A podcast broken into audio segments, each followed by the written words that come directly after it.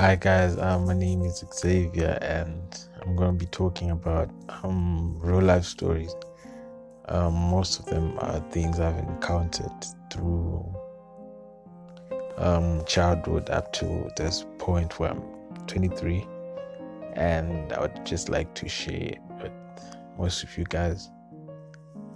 Yeah, just thought I would try and do a podcast on any topic I find um, relevant and trending.